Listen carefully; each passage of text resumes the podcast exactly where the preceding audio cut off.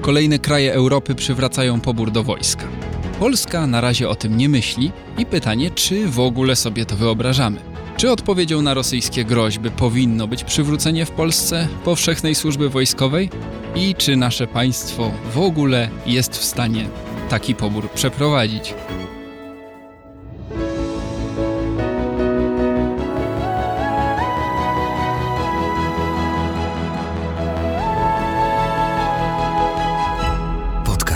Tygodnika Powszechnego. Weź, słuchaj. Dzień dobry, przy mikrofonie Krzysztof Story, a ze mną w studiu przy ulicy Dworskiej w Krakowie Marek Rabi, dziennikarz i autor tekstu z nowego numeru Tygodnika Powszechnego, o którym chciałbym trochę porozmawiać. Cześć Marku. Dzień dobry, właściwie powinienem powiedzieć czołem chyba. Albo zasalutować tak. przed gospodarzem studia podcastowego. To te formalności załatwimy po nagraniu. Dobrze. E, nieważne. Bez dystynkcji, bez honorów, bez salutów e, porozmawiamy o wojsku, a ściślej mówiąc o zapleczu wojska. Bo to chyba nie jest tak, że przecież y, poborowi z powszechnego poboru mają być jakimś y, trzonem armii. Natomiast koncepcja wojskowości wraz z rosnącym czy uwidocznionym dwa lata temu zagrożeniem ze strony Rosji robi się w Europie coraz bardziej popularna. Jak to wygląda? Bo Żyliśmy przez lata, ja dorastałem w takim świecie, w którym pobór do wojska to było coś, o czym może ojcowie opowiadali. E, jak to wygląda w Europie? Czy pobór do wojska jest dzisiaj czymś powszechnym? On nie jest powszechny oczywiście, natomiast staje się coraz e, częściej przeprowadzany i coraz większej liczbie krajów ta idea powróciła. E, pierwszym państwem europejskim, które zdecydowało się na przywrócenie poboru zaraz po wybuchu e, tych działań hybrydowych na Ukrainie, na wschodzie Ukrainy, był właśnie Kijów, była właśnie Ukraina. Zaraz potem zdecydowała się na ten krok również Litwa, a potem przystępowały kolejne kraje.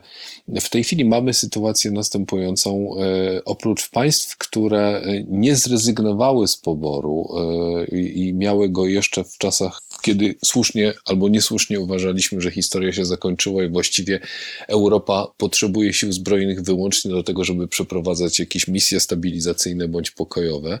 Czyli mówiąc krótko, kiedy byliśmy przekonani, że wojsko nie będzie nam służyło do obrony granic naszych państw, e, to pobór funkcjonował wyłącznie w Danii, wyłącznie, jeśli dobrze pamiętam, e, w Austrii i w Szwajcarii i jeszcze w Grecji.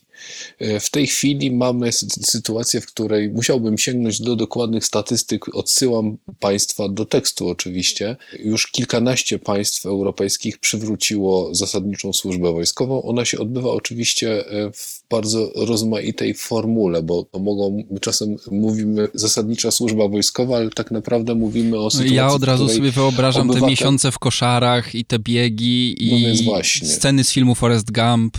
To, to może polegać na tym, że obywatel jest powoływany do jakiegoś kilkutygodniowego bądź kilkumiesięcznego szkolenia zasadniczego, które kiedyś nazywało się w Polsce unitarką, przypomnę. E, a potem co jakiś czas sukcesywnie jest powoływany na takie ćwiczenia doszkalające.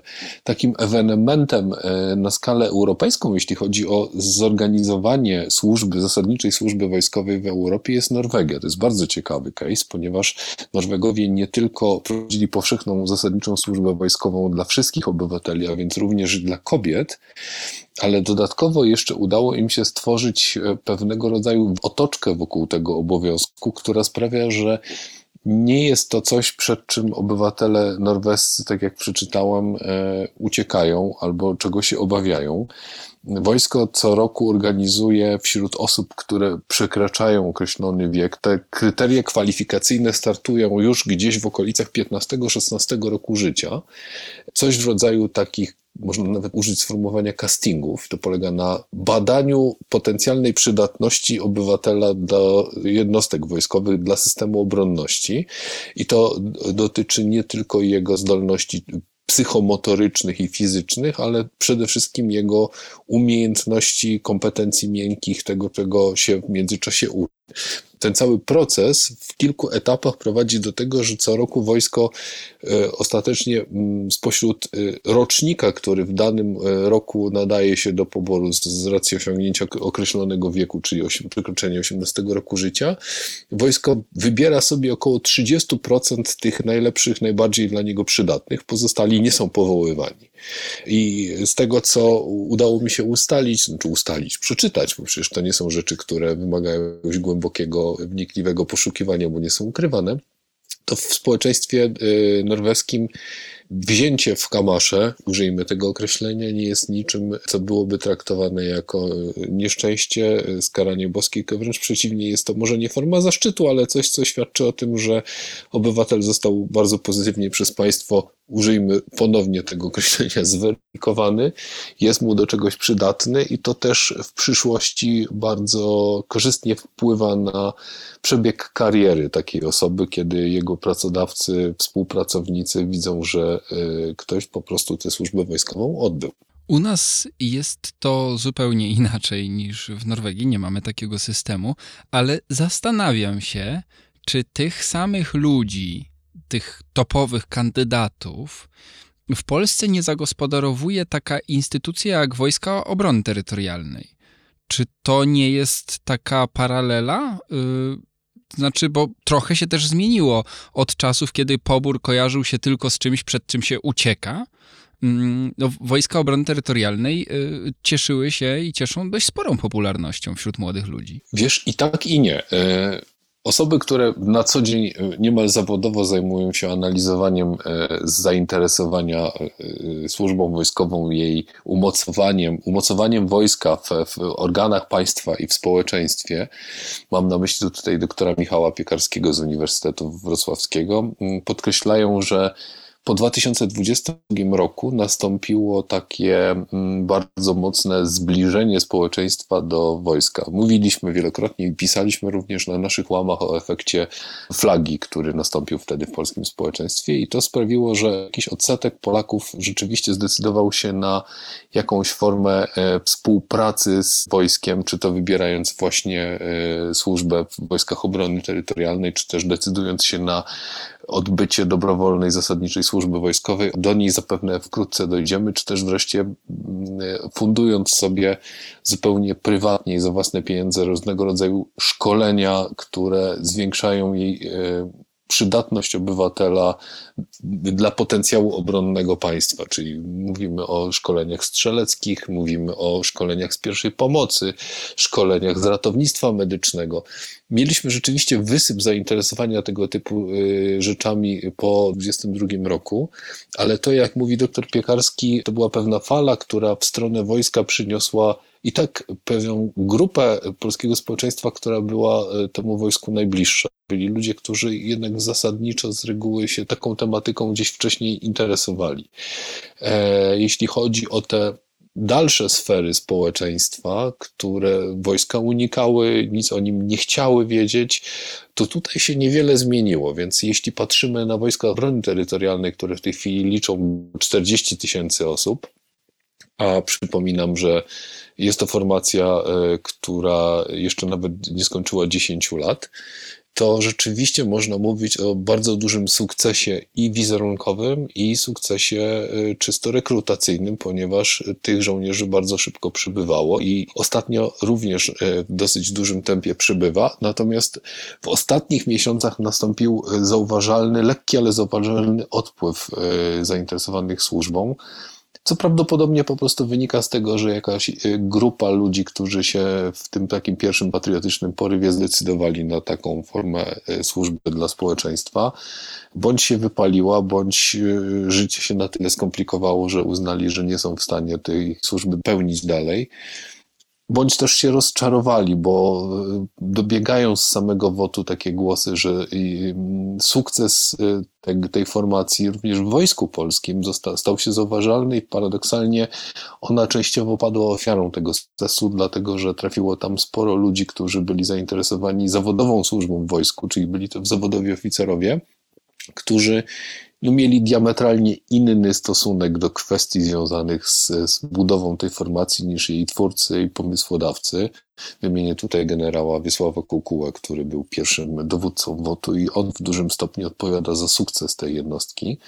E, czyli mówiąc krótko, trafiła tam spora, już nie będę unikał e, mocnych określeń, trafiła tam jednak pewna grupa takich klasycznych wojskowych trepów, którzy no niestety nie potrafią się dogadywać e, z ludźmi pełniącymi tę służbę w systemie takim, można powiedzieć, na pół albo nawet na ćwierć etatu. I tutaj tarcia, niezrozumienia, wzajemne pretensje były nie do uniknięcia, więc to też poskutkowało jak mówią ludzie znający dobrze realia tej jednostki, tej formacji, jakąś niewielką e, falą odejść, ale zauważalną dla Wojsk Obrony Terytorialnej.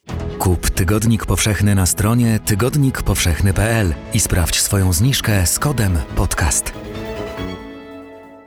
Mówimy to wszystko w momencie dziejów, w którym po pierwsze za naszą wschodnią granicą toczy się wojna, po drugie wydajemy na obronność, e, licząc różne pozabudżetowe też e, wydatki i sumy, ponad 4% PKB. Piszesz w swoim tekście, e, i zacytuję to, żeby pokazać skalę, że na całym świecie większy udział wydatków na wojsko w PKB w tym roku zanotują jedynie Rosja, Izrael i Korea Południowa. I mamy cel wyznaczony, czyli 300-tysięczna armia zawodowa żeby spełnić ten cel w ciągu dekady, tak jak sobie planujemy, polskie wojsko powinno o 10 tysięcy ludzi rocznie zwiększać swój stan osobowy. I w tym samym czasie kolejny już minister obrony narodowej zapewnia, że powszechnego poboru nie będzie. No to jak my to chcemy zrobić? No i to jest największy paradoks y, tej całej y, układanki, ponieważ ona nam się zgadza, mamy równanie i po jednej, po jednym, y, po jednej jego ze stron mamy wydatki na uzbrojenie, o których mówiłaś i które gigantycznie rosną, bo z tych ponad 150 miliardów złotych, o których mówimy w tej chwili, które mają być w tegorocznym budżecie wydane na obronę narodową, wydatki czysto majątkowe, one są tam zablokowane, czyli mówiąc krótko, to mają być zakupy twarde. Tego nie można wydać na pensje, na szkolenia, na tego typu rzeczy, tylko to musi pójść na zakupy. To jest blisko 60 miliardów złotych. Więc y, tu to finansowanie mamy z grubsza przemyślane, przewidywalne na najbliższe lata.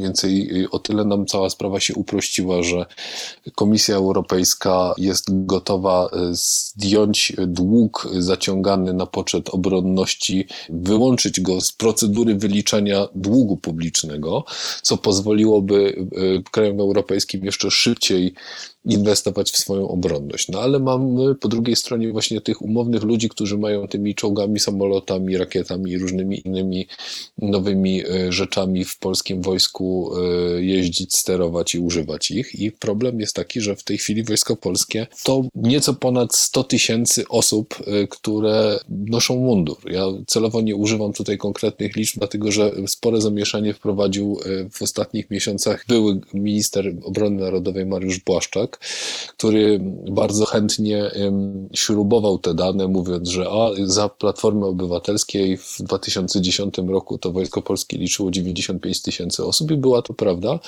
Natomiast teraz my już dojeżdżamy do 187 tysięcy. Tylko, że minister Błaszczak już został wielokrotnie złapany na tych swoich kuglarskich sztuczkach i żeby przypomnieć tylko, chodzi po prostu o sposób wyliczania tych 187 tysięcy żołnierzy Wojska Polskiego. Zaliczano do nich wszystkich studentów uczelni wojskowych, którzy już są począwszy od pierwszego roku. Wcześniej to byli ludzie począwszy od trzeciego roku. Zaliczano y, żołnierzy z dobrowolnej służby zasadniczej. Oczywiście zaliczano i słusznie wotowców, ale też na przykład dochodziło do absurdalnych sytuacji, w których cywilny personel Wojska Polskiego, taki jak kelnerzy w ośrodkach wypoczynkowych y, należących do Wojska Polskiego, byli niemal siłą e, zachęcani, w cudzysłowie oczywiście, do tego, żeby cywilny kontrakt zamienić na kontrakt wojskowy. Więc mamy nadal problem z e, ludźmi, którzy mogliby się zająć w Wojsku Polskim byciem żołnierzem mówiąc krótko, czyli ludźmi zainteresowanymi służbą liniową, tym, co stanowi esencję Wojska Polskiego. I jeśli rzeczywiście chcemy myśleć o 300 tysięcznej armii, która ma się składać w 180 tysiącach żołnierzy zawodowych i tę grupę 180 tysięcy żołnierzy zawodowych ma wspierać e, określona liczba e, żołnierzy z dobrowolnej służby zasadniczej oraz żołnierzy Wojsk Obrony Terytorialnej, no to musimy się bardzo poważnie zastanowić, czy nam po prostu wystarczy społeczeństwa. W tej chwili w wieku od 20 do 29 lat żyje w Polsce lekko licząc, lekko ponad 2 miliony mężczyzn. No to są to jest ten zasób, z którego Wojsko Polskie w najbliższych latach będzie musiało sięgać bądź po żołnierzy zawodowych, bądź po ludzi, którzy będą chcieli odbyć zasadniczą dobrowolną służbę wojskową. Nie chcę przekreślać y, żadnych y, ambitnych ministerialnych planów, ale jeśli wyobrażam sobie jakoś stosunek tej grupy, o której mówisz, do wojska, to on jest raczej może nawet nie tyle negatywny, co wojsko tak, ale ja w wojsku Niekoniecznie. No tak, no właśnie to jest, to jest, to wychodzi nawet w badaniach, które były przeprowadzane e, kilka miesięcy temu na e, zlecenie kilku instytucji zajmujących się obronnością przez e, pracownię IBRIS. Tam wychodzi wyraźnie, że odsetek popierających rozbudowę armii Wojska Polskiego jest znacząco większy od odsetka osób, które byłyby gotowe poprzeć i powszechnej służby wojskowej. Po drugiej stronie mamy jeszcze jeden fundamentalny problem, który całkowicie gdzieś w tej dyskusji o Wojsku Polskim uciekł i nie jest brany pod uwagę, to jest mianowicie kwestia tego, jakim językiem operuje wojsko, y, jaką wizję samego siebie przedstawia młodym ludziom, czyli mówiąc krótko, czym chce do siebie ich przekonywać. I na tych spotach zawsze jest helikopter. No tak, no bo helikopter ładnie się prezentuje i sam helikopter jeszcze nie jest problemem, ale tutaj ludzie, którzy to analizują, pokazują, jak to się na przykład odbywa w armiach takich jak rosyjska, brytyjska, amerykańska. Ja nie chciałbym oczywiście, żebyśmy popadali w takie stereotypowe poszukiwanie dychotomii, że u nas, prawda, w krajach słowiańskich to oczywiście wszystko się odbywa w dziwny sposób i fatalnie, a na tym zachodzie to od dawna zawsze wszystko było świetnie. Ale te różnice są fantastycznie widoczne, na przykład w spotach zachęcających Brytyjczyków do służby wojskowej, gdzie można zobaczyć dziewczynę, w kolorowych włosach, która mówi, że jest e, w związku nieheteronormatywnym i ona zdecydowała się na służbę wojskową, ponieważ ona chce bronić swojej rodziny. Ona chce bronić stylu życia, który jest dla niej bardzo ważny, który uważa za naturalny i co więcej chce bronić państwa, które pozwala e, jej i jej bliskim taki styl życia prowadzić. Po drugiej stronie mamy na przykład e, reklamy e, armii rosyjskiej teraz w czasie właśnie wojny bardzo chętnie wykupowane, które eksponują taki bardzo silny maczystowski wątek, że to jest przygoda dla silnych mężczyzn, że armia to jest moment, w którym się sprawdzi, że ktoś, kto nie był y, na kontrakcie w armii rosyjskiej i nie pojechał do Ukrainy, właściwie nie może o sobie mówić, że jest mężczyzną, nie mówiąc o tym, że y, może siebie samego uważać za patriotę. Tak się kiedyś mówiło, że wojsko oddziela chłopców od mężczyzn. Tak. A wiesz, a my się w tym wszystkim poruszamy w jakiejś takiej magmie, y, nie jesteśmy w stanie się zdecydować, właściwie jaką wizję wojska sprzedajemy. Czy to ma być właśnie to miejsce, które ma dalej po staremu formować chłopców i przerabiać ich w mężczyzn? Oby nie.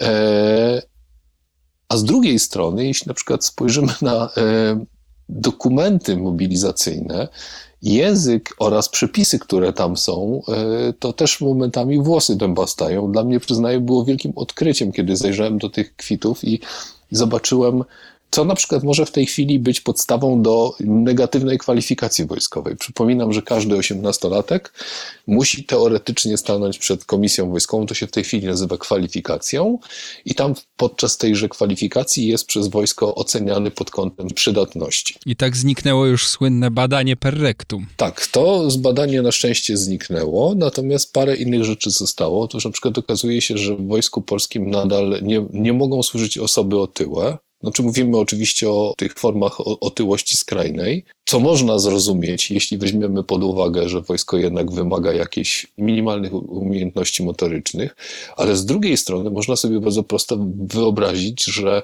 jest w polskim społeczeństwie sporo ludzi, którzy cierpią na tę przypadłość, na tę chorobę, no bo otyłość jest chorobą, ale z drugiej strony posiadają unikatowe umiejętności, chociażby programistyczne. Proszę mnie źle nie zrozumieć, nie stawiam znaku równości pomiędzy programistami a osobami otyłymi. Właśnie jako, jako prostu... człowiek, który kiedyś pracował jako programista, już miałem się na ciebie obrazić. No więc właśnie, celowo się tłumaczę, bo wiem, że masz taką kartę w swoim życiu. Proszę Państwa, rozmawiamy z informatykiem, który postanowił zostać dziennikarzem.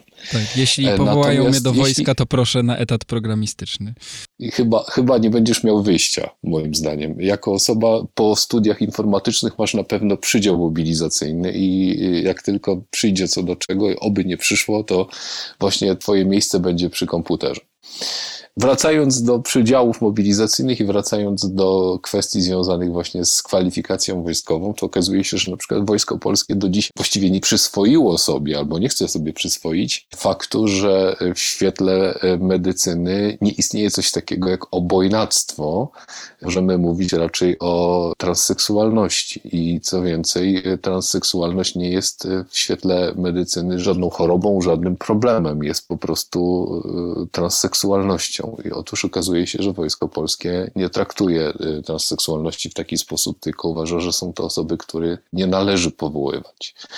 A żeby już dobić rzecz absolutnie do podłogi, to wystarczy powiedzieć, że w oficjalnych dokumentach Wojska Polskiego nie istnieje coś takiego jak związek nieformalny, czyli jeśli ktoś zdecyduje się na zawodową służbę wojskową i nie sformalizuje swojego związku, w sytuacji, w jakiej w Polsce jesteśmy, czyli mówimy o, o związku kobiety i mężczyzny, bo tylko takie osoby mogą zawierać małżeństwa, to na wypadek jakiegoś złego scenariusza, wypadku czy też śmierci, a są to rzeczy no, niestety wpisane w zawód żołnierza i nie mówimy wyłącznie o pobycie na froncie, bo może się coś niefajnego wydarzyć w czasie ćwiczeń chociażby, to osoba będąca członkiem rodziny zmarłego nie będzie mogła w świetle przepisów wojskowych liczyć na żadne wsparcie, ponieważ nie jest członkiem jego rodziny. I to są takie drobne absurdziki, które się układają w taki w taką opowieść problem. o wojsku, chyba której dzisiaj społeczeństwo polskie nie, nie akceptuje, zwłaszcza to, to młode, a to no przecież tak. młodych rekrutów szukamy.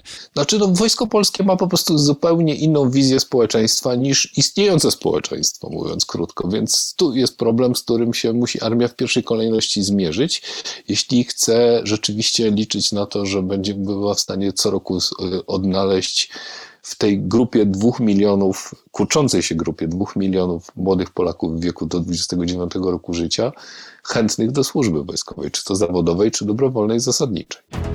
Mamy dla Ciebie o wiele więcej. Dużo czytania czeka w każdym wydaniu Tygodnika Powszechnego. Kup na stronie tygodnikpowszechny.pl lub w kiosku. Powiedz mi, co jest tutaj e, celem e, państwa? Ja bym chciał to trochę rozegrać na swoim przykładzie. Poddam się tym testom. Mm, załóżmy, że ja dorastając, akurat miałem szczęście z mojej perspektywy, nie było powszechnego poboru, kiedy kończyłem 18 lat, więc ta przyjemność mnie ominęła. Ale załóżmy, że żeby był. Ja szczerze mówiąc, uważam, że do biegania z karabinem y, się nie nadaje. Y, bardzo nie chciałbym tego robić. I teraz tak, jaki jest cel takiego poboru z perspektywy państwa? To znaczy, czy my szukamy rekrutów, e, nie chcę tu używać sformułowań rodem z rosyjskiej armii, ale, ale użyję mięsa armatniego, czy my dbamy o to po prostu, żeby społeczeństwo było na pewnym poziomie wyszkolenia. Choćby w takich kwestiach jak pierwsza pomoc. Co tu jest najważniejsze? Po co się przywraca tą instytucję właśnie szkoleń, poboru do wojska? E, gdzie są priorytety? E, to ja zacznę może od przywołania ustawy o obronie ojczyzny, e, takiego dokumentu, który nosi bardzo pompatyczną nazwę, ale jest rzeczywiście fundamentem w tej chwili polskiej obronności, ponieważ jest to akt prawny, w którym zebrano zapisy 14 innych ustaw, które wcześniej porządkowały kwestie związane z funkcjonowaniem wojska, mobilizacją, obroną cywilną szeregiem innych takich czynników, które składają się właśnie na, na obronność obronność naszego kraju. I ta ustawa mówi wyraźnie, że mamy w Polsce niejako trzy płaszczyzny kadrowe, jeśli chodzi o rezerwę. Czyli rezerwę, czyli ten zapas, po który wojsko mogłoby sięgać bądź to na czas pokoju, bądź to na czas wojny. taką podstawową grupą rezerwistów y, są osoby w tak zwanej aktywnej rezerwie, czyli osoby, które odbyły szkolenie wojskowe. Czyli jeśli ty na przykład w tej chwili, podobnie jak ja jeszcze, mieścimy się obaj w kategorii wiekowej do 60 roku życia, czyli teoretycznie możemy stanowić rezerwę aktywną, ale żaden z nas nie był jeszcze w wojsku nie poddaliśmy się tejże kwalifikacji, w związku z tym nie nadajemy się na rezerwę aktywną, ponieważ nic nie umiemy. Moglibyśmy pełnić wyłącznie rzeczywiście funkcję takiego mięsa armatniego, czyli dano by nam tam karabin, prawdopodobnie byśmy w trzeciej minucie powiększyli grono aniołków y, konfliktu. Natomiast nie, nie o taką rezerwę, nie o takie wsparcie Wojsku Polskiemu chodzi, więc po to powstała idea dobrowolnej zasadniczej służby wojskowej, żeby osoby, które uważają, że ich obowiązkiem jest podtrzymywanie jakiegoś potencjału obronnościowego naszego państwa, ale nie chcą być żołnierzem służby zawodowej, zgłaszały się do dobrowolnej zasadniczej służby e, wojskowej e, kilkumiesięcznej, bądź odbywały jakąś formę przeszkolenia wojskowego i wtedy mając te umiejętności mogą stanowić tą rezerwę aktywną, czyli ten taki pierwszy zasób, po który wojsko by w sytuacji, gdyby musiało, będzie sięgać na wypadek tak zwanego rozwinięcia mobilizacyjnego, a więc takiej sytuacji, w której istniejące jednostki zwiększają swoją liczebność. Polskie wojsko w ogóle w tej chwili funkcjonuje w ten sposób, że Wygląda trochę jak taki, taki balonik napompowany do połowy. E, to wystarcza. I jak trzeba, do to się go ćwiczeń, pompuje. Do takiego tak jest, po prostu ściąga się ludzi, wtedy ten balonik rośnie i, i, i, e, to się nazywa rozwinięcie mobilizacyjne. To niekoniecznie musi wiązać się z tym, że potrzebujemy w tej chwili właśnie rzucić dwie dywizje na Kaliningrad, tylko po prostu chodzi o to, że może na przykład jest jakaś taka sytuacja, która wymaga pokazania komuś, że mamy ludzi i wtedy możemy po coś takiego Kojarzy się... mi się to z tą rybą, która żyje w głębinach, e, taką, która się tak nadyma, a, a, że czasami trzeba kogoś przestraszyć tak, rozmiarem. Tak. Drugim e, za, za, zasobem jest rezerwa pasywna, no to są już wszyscy obywatele, którzy przeszli kwalifikację wojskową, nie mają e, innych przydziałów mobilizacyjnych, czyli na przykład w Twoim przypadku raczej e, trafiłbyś do zasobów wsparcia technologicznego, a gdybyś był elektrykiem na przykład, no to raczej byś służył w czasie wojny jako e, ktoś, kto podtrzymuje działanie polskiego systemu energetycznego. Natomiast mówimy o rezerwie pasywnej, więc żeby rzecz uprościć, mówimy o wszystkich osobach w wieku do 60 roku życia w uproszczeniu, które nie mają innych przydziałów mobilizacyjnych i które mają kategorię wojskową, która pozwala im służyć na wypadek jakiejś nieprzyjemnej sytuacji. No oczywiście możemy sobie wyobrazić taką sytuację, kiedy doszłoby do powszechnej mobilizacji, czyli sytuacji, w armia musi rzucić na front każdego, kogo ma, no to wtedy po prostu bierze się kogo tylko armia zapragnie. To są takie trzy sfery, natomiast mówię o nich dlatego, że one mają służyć właśnie temu, żeby wojsko miało zaplecze, miało taką głębię demograficzną, po którą może sięgnąć, gdyby potrzebowało, a w jakich sytuacjach taka głębia, takie zaplecze jest potrzebne, niestety pokazuje nam w tej chwili Ukraina, która się znalazła właśnie w bardzo trudnej sytuacji demograficznej i armia ukraińska również w tej trudnej sytuacji się znajduje. Mamy sygnały z frontu, że znajdują się tam na linii bardzo często oddziały, które no są właściwie cieniem samego siebie, bo stanowią może kilkanaście, może 25% takich pierwotnych e, planowanych zasobów kadrowych. Albo na przykład brygady, które nie były rotowane od dwóch lat, czyli od tak, początku wojny. Tak. Za, zapas i rotacja też jest koniecznym elementem. Na koniec jeszcze jeden aspekt. Y, rozmawiamy o wojsku, ale jest tutaj jeszcze aspekt zupełnie niemilitarny. Y, twój tekst y, polecam serdecznie i nie będziemy tutaj zdradzać wszystkiego, przeczytajcie, ale jeszcze y, jeden aspekt, bo ten tekst ma tytuł Zdemobilizowani. Piszesz głównie o tym aspekcie militarnym, ale ja widzę tu coś jeszcze.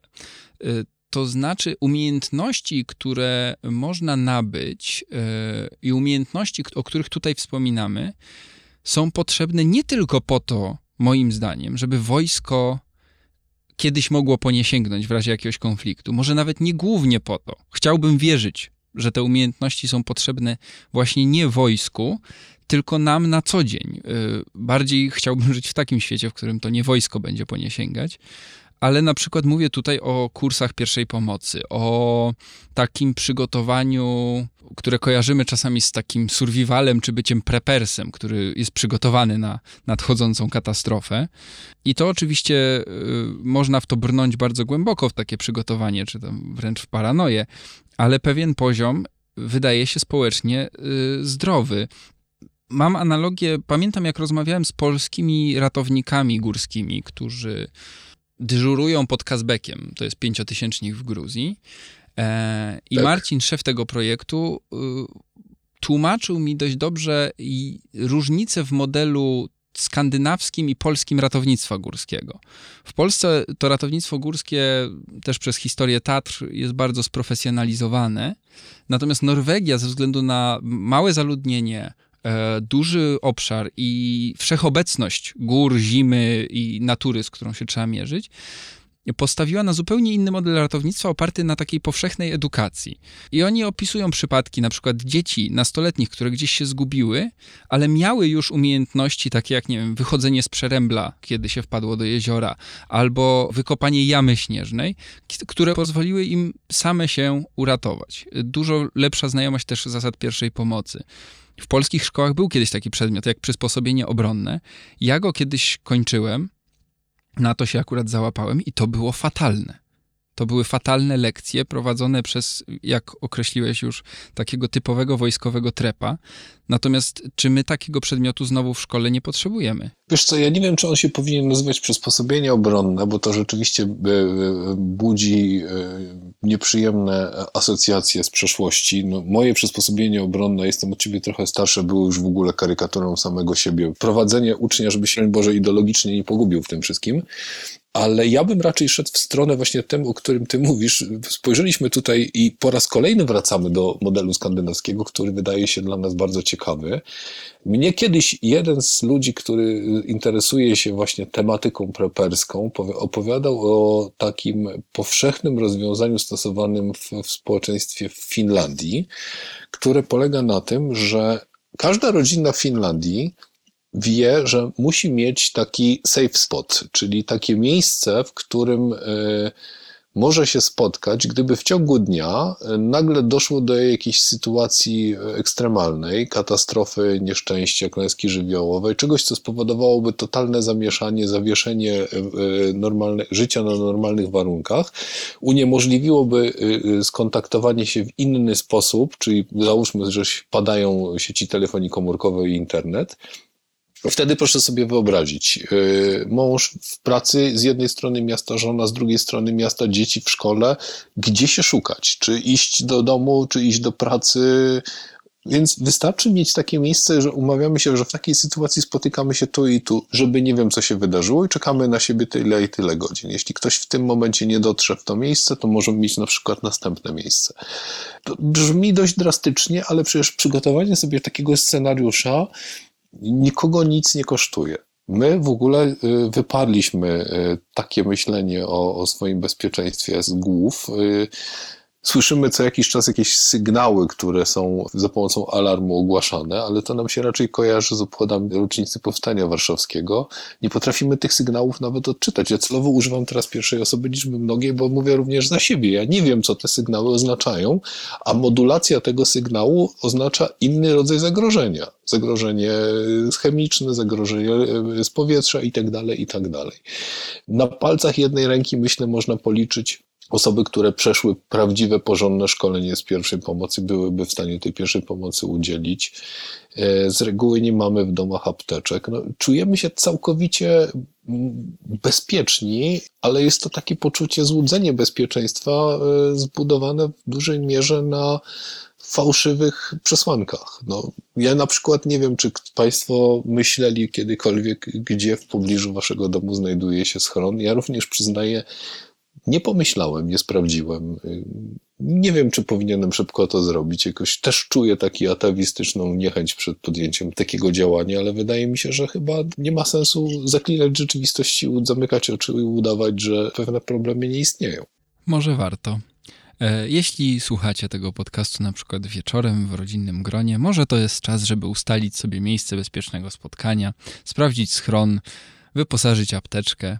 E, może nie zaszkodzi. E, nie trzeba od razu iść służyć w wojsku.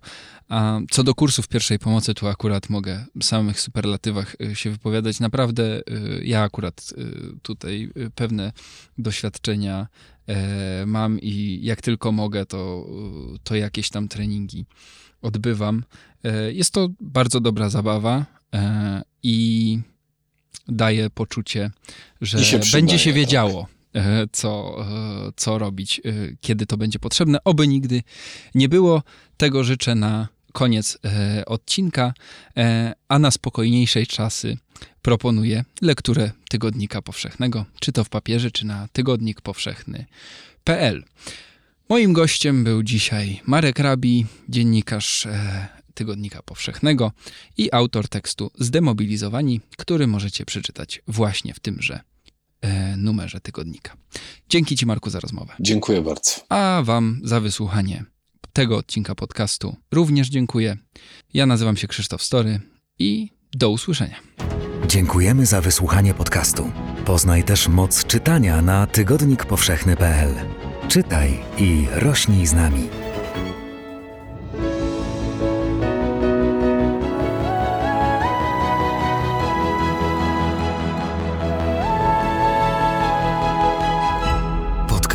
Tygodnika Powszechnego. Weź Słuchaj